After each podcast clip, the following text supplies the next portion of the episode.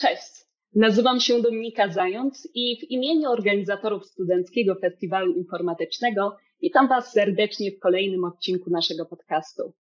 Tak jak co tydzień, czeka tu na Was rozmowa z naszymi wspaniałymi prelegentami, ogromna dawka inspiracji, a także praktyczne wskazówki, które pomogą Wam się rozwijać w branży technologicznej. Zanim jednak do tego przyjdziemy, pozwólcie, że w kilku słowach opowiem Wam, czym jest SWI. Dla tych, którzy słuchają nas po raz pierwszy. Studencki Festiwal Informatyczny to trzydniowe wydarzenie, które gromadzi w Krakowie pasjonatów informatyki z całego świata. Nieważne, czy interesuje Cię wytwarzanie oprogramowania, tworzenie gier, cyberbezpieczeństwo, czy też wysyłanie rakiet w kosmos. Z pewnością znajdziesz u nas coś dla siebie. Zadbali o to organizatorzy. Studenci z czterech największych krakowskich uczelni. Akademii Górniczo-Hutniczej, Politechniki Krakowskiej, Uniwersytetu Ekonomicznego oraz Uniwersytetu Jagiellońskiego. Bardzo chcieliśmy, by tegoroczna 16. edycja odbyła się tak jak zawsze na wiosnę, jednak pandemia pokrzyżowała nasze plany. Nic jednak straconego. Koniecznie zaglądajcie na nasze media społecznościowe, Facebooka, Instagrama i Twittera, gdyż już niedługo pojawi się tam nowy, październikowy termin naszej konferencji. Tam też czekamy na Wasze pytania do naszych prelegentów, a także komentarze i opinie o przeprowadzonych rozmowach. Dajcie nam koniecznie znać, jak podoba się Wam ta forma i kogo jeszcze powinniśmy zaprosić do współpracy przy tworzeniu kolejnych odcinków. Ja tymczasem przejdę już do tego, co w naszym podcaście jest najważniejsze. Rozmowy z naszymi prelegentami. Dziś, chyba po raz pierwszy w historii naszego podcastu, mam przyjemność gościć nie jednego, a dwójkę wspaniałych gości. Klaudia Dobrogojska i Maciej Dąbrowski to duet wspaniałych, utalentowanych programistów, a zarazem niezwykłych fanów tworzenia gier komputerowych. Ich Pixboy, platformówka w stylu retro, podbił serca jurorów wielu konkursów i zawodów, zdobywając liczne nagrody i co najważniejsze, zainteresowanie odbiorców. Klaudio, Maćku, bardzo mi miło, że przyjęliście nasze zaproszenie do podcastu i witam Was serdecznie na naszej wirtualnej scenie. Cześć. Cześć. Na samym początku chciałabym Was zapytać, jak rozpoczęła się Wasza przygoda z programowaniem i game devem? Wiele osób na początku swojej kariery zmaga się z wyborem odpowiedniej ścieżki. Czy tak samo było w Waszym przypadku? Czy też od małego wiedzieliście, że IT jest dokładnie tym, co chcecie robić? W moim przypadku od zawsze uwielbiałam gry komputerowe i od zawsze chciałam je tworzyć. No tylko nie wiedziałam za bardzo, jak się za to zabrać. E, gry komputerowe mnie interesowały dlatego, że łączą wszystkie elementy, które lubię robić. Na przykład tworzenie jakiegoś świata, tworzenie grafik, tworzenie historii, więc to mnie po prostu ciągnęło. I w sumie to mogę przyznać, że ta chęć tworzenia gier komputerowych zmotywowała mnie do pójścia na studia informatyczne, ponieważ wierzyłam, że to jest jakoś powiązane, że tam poszerzą się moje horyzonty i możliwości i nauczę się, jak je robić. Z mojej strony w sumie jest bardzo podobnie. E, znamy się z Klaudią na tyle długo, że w sumie nasze plany szybko się właśnie zaczęły pokrywać, więc jeszcze przed studiami również ustaliliśmy razem, że idziemy na studia informatyczne po to, że właśnie, żeby nauczyć się robić gry. Ja w gry też grałem od samego dzieciństwa, więc są nieodzowną częścią mojego życia.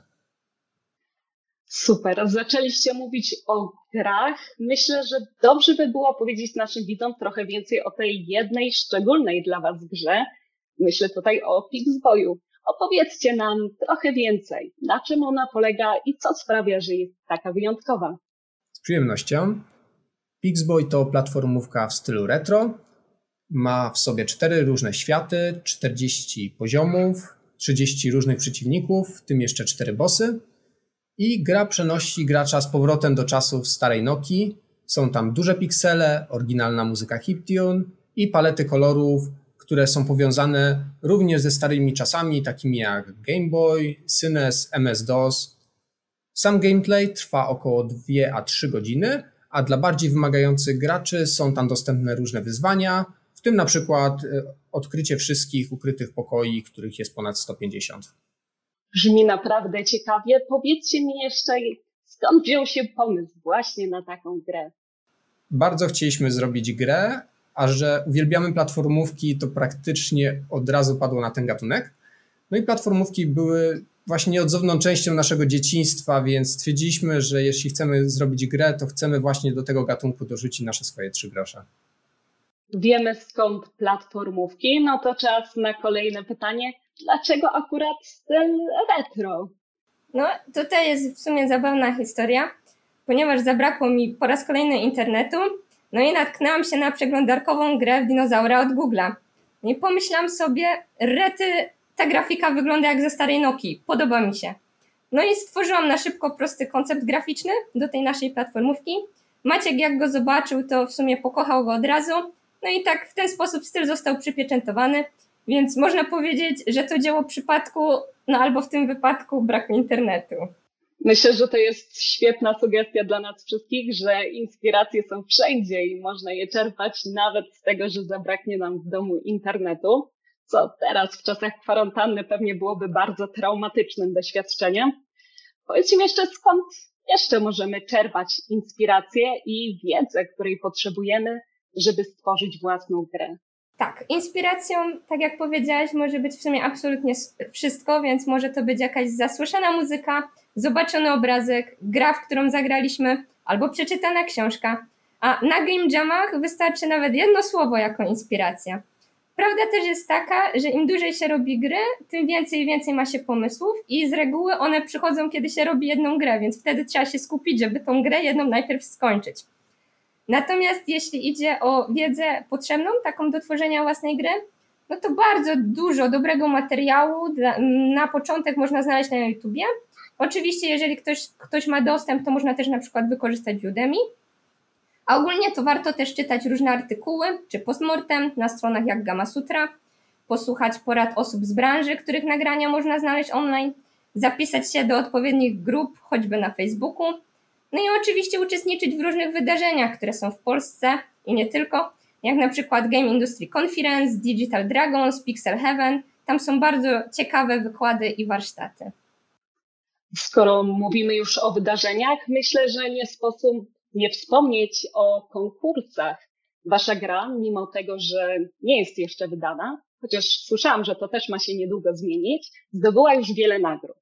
Zwycięstwo w Digital Dragon Students Talent Show, drugie miejsce w The Big Indie Pitch, nagroda główna w kategorii Games Design w zespołowym tworzeniu gier zespołowych.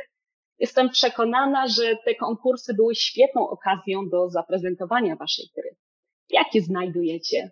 I co jeszcze moglibyście doradzić osobie, która chciałaby się wypić swoją grą? Gdzie ją zaprezentować? Jak dotrzeć do potencjalnych odbiorców?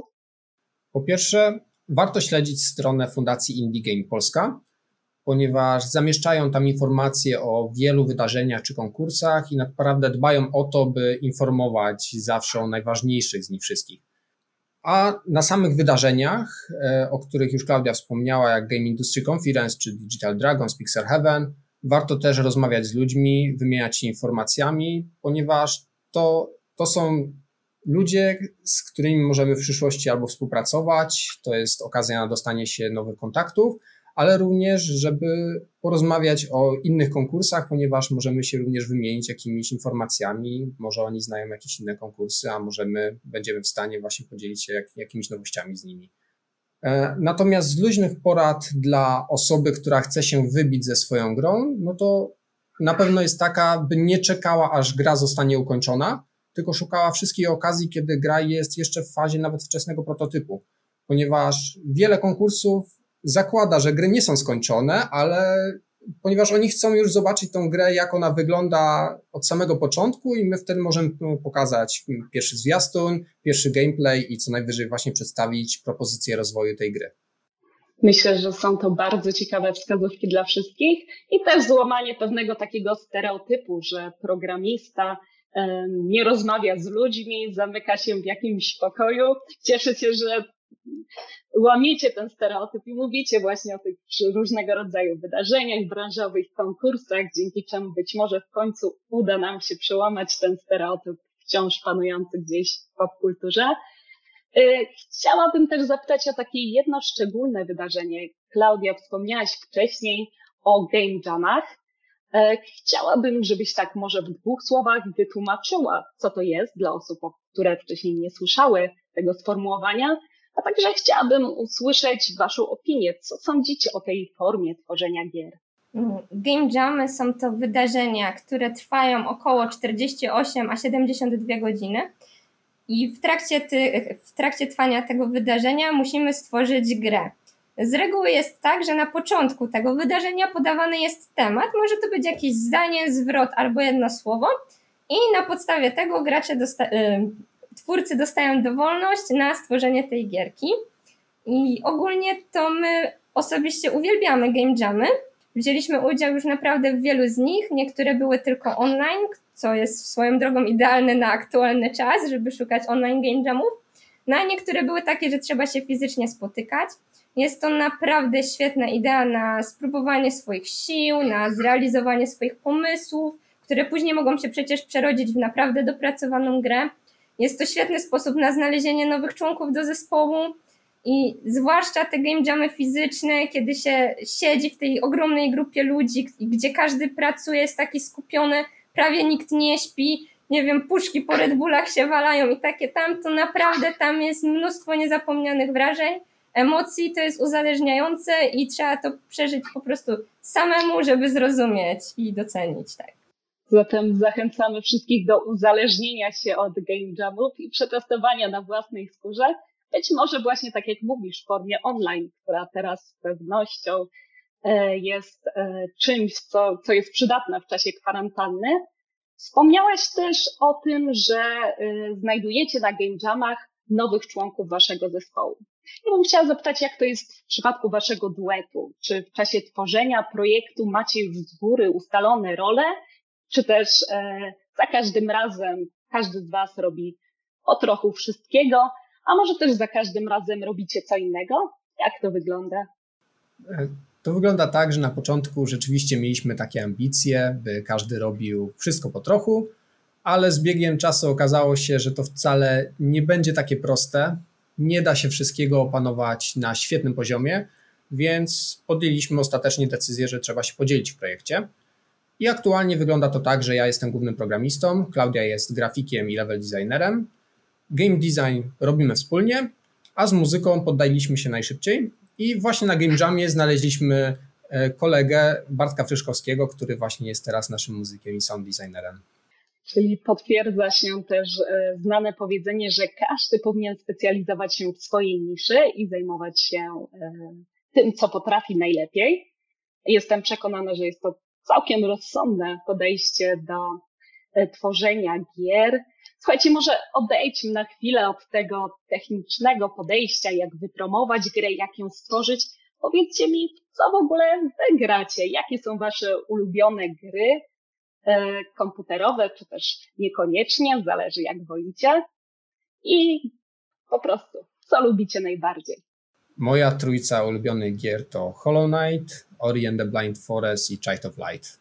Ja oczywiście również uwielbiam te gry, które wymienił Maciek, ale oprócz tego mogę dorzucić jeszcze Wiedźmina, który jest bardzo dobry, no i jeszcze lubię Undertale'a. Super, widzę, że pewnie graliście razem e, niektóre z nich przynajmniej. Powiedzcie mi, czy pamiętacie swoją pierwszą własnoręcznie stworzoną grę? Co to było? Pamiętamy jak najbardziej. Była to gra 2,5D na mobilki, w której trzeba było balansować spadające skrzynie, tak żeby utrzymały się na odpowiednim poziomie i przy okazji chronić je od czterech rodzajów przeciwników. Skończyło się na prototypie.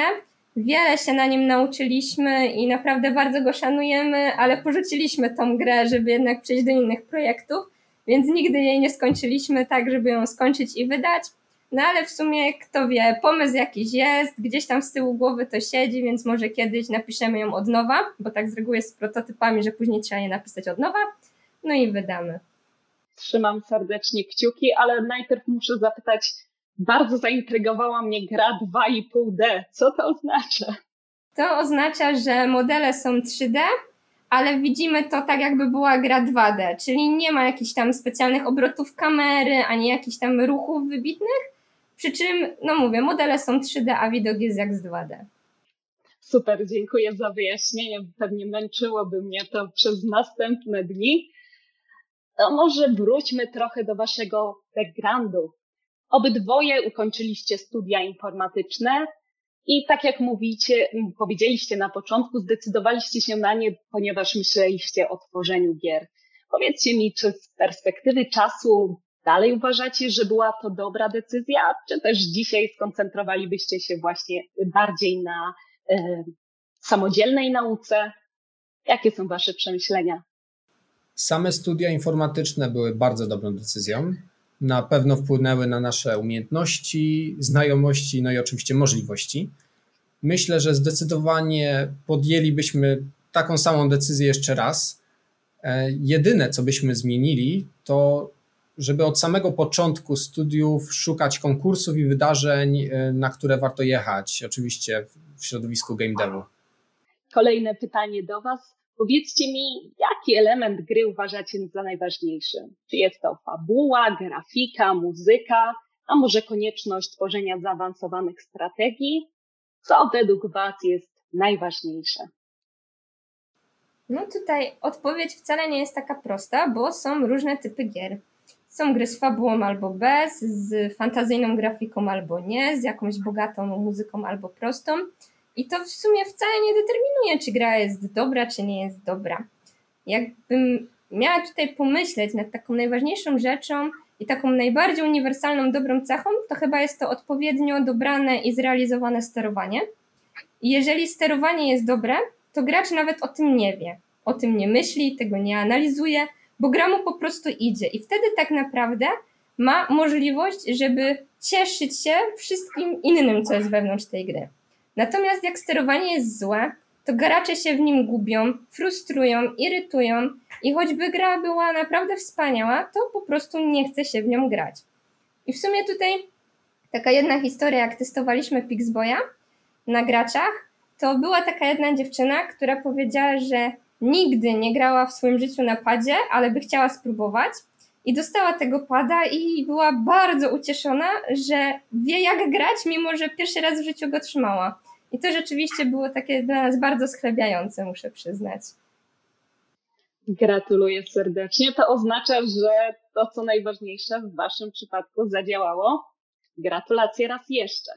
Wiem, że dla uczestników SFI przygotowaliście również dość e, techniczny warsztat z tego, jak tworzyć grę. Może opowiecie coś więcej, co czeka na naszych e, uczestników naszej konferencji już w październiku? Na warsztaty na SFI przygotowaliśmy przedstawienie systemu TileMap w Unity, e, które umożliwiają bardzo wygodne tworzenie poziomów. Tilemapy idealnie nadają się na przykład na, do platformówek czy Metroidvanii i chcieliśmy rozpocząć od wprowadzenia do TileMap, pokazania jak je stworzyć oraz używać, a później przejść do bardziej zaawansowanych e, jej postaci, czyli e, stworzenia regułowych tilesów, czy też losowych, animowanych. No i na sam koniec e, chcieliśmy, żeby każda osoba, która właśnie E, nauczy się e, korzystania z, te, z tych tilemap, żeby zrobiła swoje własne poziomy i właśnie pokazała wszystkim innym na, tym, na tych warsztatach, żeby każdy mógł pograć we własnie, właśnie, właśnie stworzony poziom. Brzmi naprawdę ciekawie. Na pewno zajrzę do Was, gdy już będziecie w Krakowie, przyjedziecie do nas na warsztat. Powiedzcie mi, skąd w ogóle pomysł na to, żeby właśnie taki warsztat przeprowadzić? i podzielić się swoją wiedzą, doświadczeniem i umiejętnościami z innymi. Musimy przyznać, że sami braliśmy udział w naprawdę wielu ciekawych wykładach i warsztatach, i dzięki temu nauczyliśmy się naprawdę ogromu rzeczy. I to zawsze rodzi taką potrzebę odwdzięczenia się i chęci przekazania swojego doświadczenia i wiedzy dalej, żeby też innym ułatwić. I jest ważne, że czasami takie proste triki, jak się komuś da na samym początku, to to bardzo ułatwi mu dalsze życie i dalsze tworzenie tych gier, więc wiemy, że warto to przekazywać dalej. Dobro wraca, zatem cieszę się, że przekazujecie dalej tą pozytywną energię i to podejście e, przekazywania wiedzy, którą macie dalej młodszym pokoleniom. Mam nadzieję, że tak zostanie. Chciałabym jednak teraz spytać o coś niezwiązanego z wolontariatem, a wręcz przeciwnie. Waszą pasją jest game dev, ale na co dzień nie pracujecie w tej branży. Czy mogę zapytać dlaczego?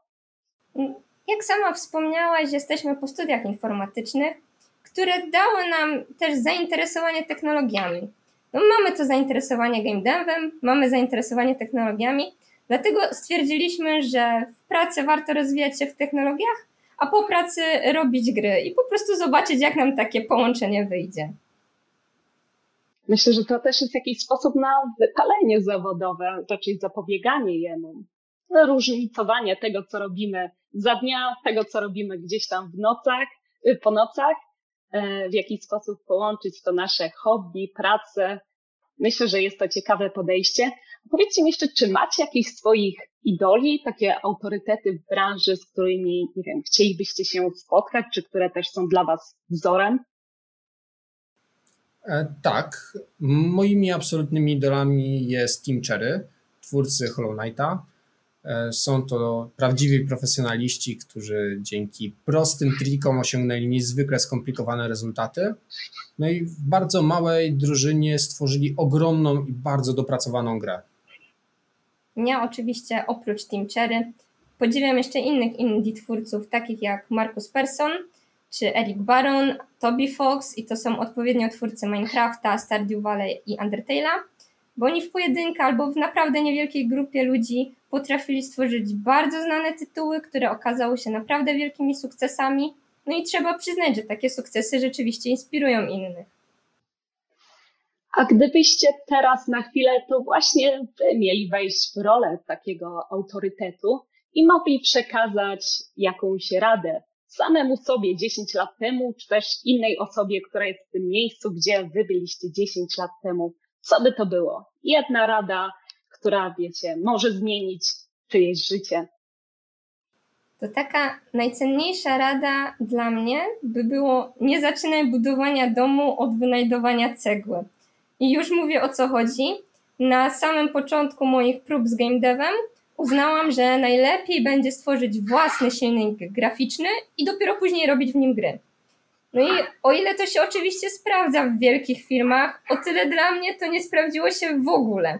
Więc myślę, że miałabym o wiele więcej gier zrobionych teraz na swoim koncie, gdybym od razu wystartowała z gotowymi silnikami, na przykład z Unity, albo Unreal Engine, albo Game Makerem. Więc to jest ta rada dla mnie. Używaj silników. Maćku, chciałbyś coś dodać w temacie? Rada dla samego siebie sprzed 10 lat? Prawdę powiedziawszy, dałbym absolutnie tę samą, e, co Klaudia, ponieważ również e, rozpocząłem właśnie od tworzenia własnego silnika, ale nie wyszło to najlepiej. To mnie bardzo spowalniało, jak chciałem robić właśnie jakieś własne idee, własne pomysły z gier. No i kiedy w końcu przeszedłem na Unity, to to był jak zupełnie inny świat. Od razu wiedziałem, co, co chcę robić, od razu miałem części, z których mogłem poskładać moje własne poziomy. No i prędkość tworzenia tego, co najważniejsze, czyli gry, była znacznie, znacznie wyższa, więc mogłem od razu zabrać się za to, co, za to, co najważniejsze. Więc też bym udzielił tej rady, żeby od razu korzystać z gotowych silników i robić to, co się chce, czyli grę. Myślę, że to cenna wskazówka nie tylko dla osób, które tworzą gry, ale dla wszystkich, którzy tak naprawdę tworzą oprogramowanie. Bardzo często tworzymy własne biblioteki, własne rozwiązania, które ktoś już kiedyś napisał, przetestował i najprawdopodobniej przewidział trochę więcej przypadków niż my. Z jednej strony faktycznie można czegoś się nauczyć przy tworzeniu takiej biblioteki, z drugiej strony faktycznie spowalnia to naszą pracę, stąd też znalezienie takiego złotego środka z pewnością jest e, dobrą wskazówką. Przed chwilą przesunęliśmy się o 10 lat wstecz, to teraz przesuńmy się trochę więcej. Wiem, że w ramach wolontariatu uczyliście dzieci programowania. Powiedzcie mi, dlaczego podjęliście się tych działań? Były to dzieci w wieku e, szkolnym, z tego co wiem, prawda? Tak. Zawsze jest fajnie zrobić coś dla najmłodszych i pokazać im technologię i być może zaszczepić jakąś pasję, no albo przynajmniej jakieś zainteresowanie, i które może kiedyś właśnie wyda plony. Plus naprawdę to jest miłe dzielić się wiedzą z innymi, zwłaszcza, że projekt był skierowany na mniejsze miejscowości, gdzie być może mm, jest trudniej o niektóre, niektórą wiedzę, jest trudniej e, czegoś się nauczyć, czy właśnie e, ma się mniejsze możliwości, więc byliśmy tym, tym bardziej zmotywowani właśnie, żeby nauczyć dzieciaki czegoś, z czego również czego również się uczyliśmy, czyli właśnie technologii. A czy jest coś, co Was szczególnie zaskoczyło w czasie tej nauki dzieci programowania? Oprócz programowania pokazywaliśmy też na przykład drukarkę 3D i zaskoczył mnie wtedy jeden chłopiec, który po prezentacji tej drukarki 3D, wytłumaczeniu jej działania, wydrukowaniu jakiegoś tam przygotowanego przez nas elementu, podszedł i spytał się, czy on może sam coś zaprojektować i żebyśmy to wydrukowali. I to było naprawdę takie wielkie zaskoczenie dla mnie i pokazało wielkie zaangażowanie i to był wielki, przeogromny plus na wtedy. Myślę, że to był również taki miły moment pokazania, że dzieci tak bardzo wierzą w siebie. Nam zdarza się wątpić. Myślę, że sama nie odważyłabym się e, zapytać o wydrukowanie mojego pierwszego modelu na drukarce 3D, tylko najpierw sprawdziłabym w kilku źródłach, e, czy coś takiego ma szansę zadziałać a najprawdopodobniej podejście tego chłopaka jest stanowczo lepsze niż moje, ponieważ, tak jak mówiliście, testuje wczesny prototyp, szybko otrzymuje feedback i wie, w którą stronę rozwijać się dalej. Stąd też cieszę się, że od małego e, takie wzorce panują. A powiedzcie mi, czy jest jeszcze coś innego, co tak bardzo miło wspominacie z tej akcji? Jakaś inna sytuacja? Jak mam być szczera, to cała ta akcja była świetna. Placówka była położona w przeuroczym miejscu, pani dyrektor była niezwykle chętna do współpracy, dzieci i ich rodzice byli super mili. No i oczywiście nasza ekipa, w której tam pojechaliśmy, gwarantowała dobrą zabawę. Więc no nie da się wybrać jednej najmilszej rzeczy. Tam wszystko było po prostu super, więc ogólnie jakby ktoś nie wiedział, co ma zrobić ze swoim weekendem albo jakimiś tam paroma dniami we wakacje, to naprawdę polecamy, bo przeżycia są bardzo fajne. Zachęcamy wszystkich do wolontariatu, zwłaszcza tego wolontariatu związanego z programowaniem i szerzeniem tej wiedzy o nowych technologiach. Zbliżamy się pomału do końca naszej rozmowy, to może powiedzcie mi na koniec, jakie są Wasze inne pasje? Wiecie, takie życie pozaprogramistyczne. Co jeszcze robicie oprócz pracowania, tworzenia własnych gier i na przykład właśnie wolontariatu, gdzie też programowaliście? No to oczywiście właśnie pomijając wszystkie te hobby również związane z robieniem gier, w co i tak składa się właśnie grafika, storytelling, level design, to chyba największym hobby jest podróżowanie. Zwiedzanie różnych krajów i miejsc dostarcza nam szeregu różnych niezapomnianych wrażeń, a do tego robimy masę zdjęć i filmów, do których z przyjemnością się wraca tym bardziej właśnie w tych czasach, gdzie mamy pandemię za, za drzwiami, no to tym chętniej właśnie oglądamy te wszystkie nasze przygody, które mieliśmy za granicą.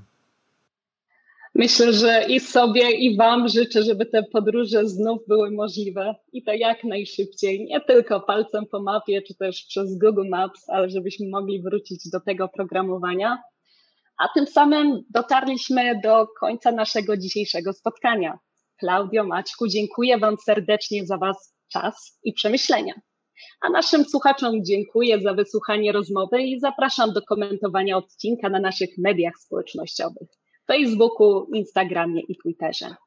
Także my również, Dominiko, Tobie bardzo dziękujemy, że chciałaś z nami porozmawiać, że wysłuchałaś nas. Dziękujemy w ogóle za tę możliwość. No i dziękujemy wszystkim słuchaczom za to, że chcieli tutaj poznać parę trików i rzeczy od nas. Super, dzięki wielkie. Pozdrawiamy. Pozdrawiamy.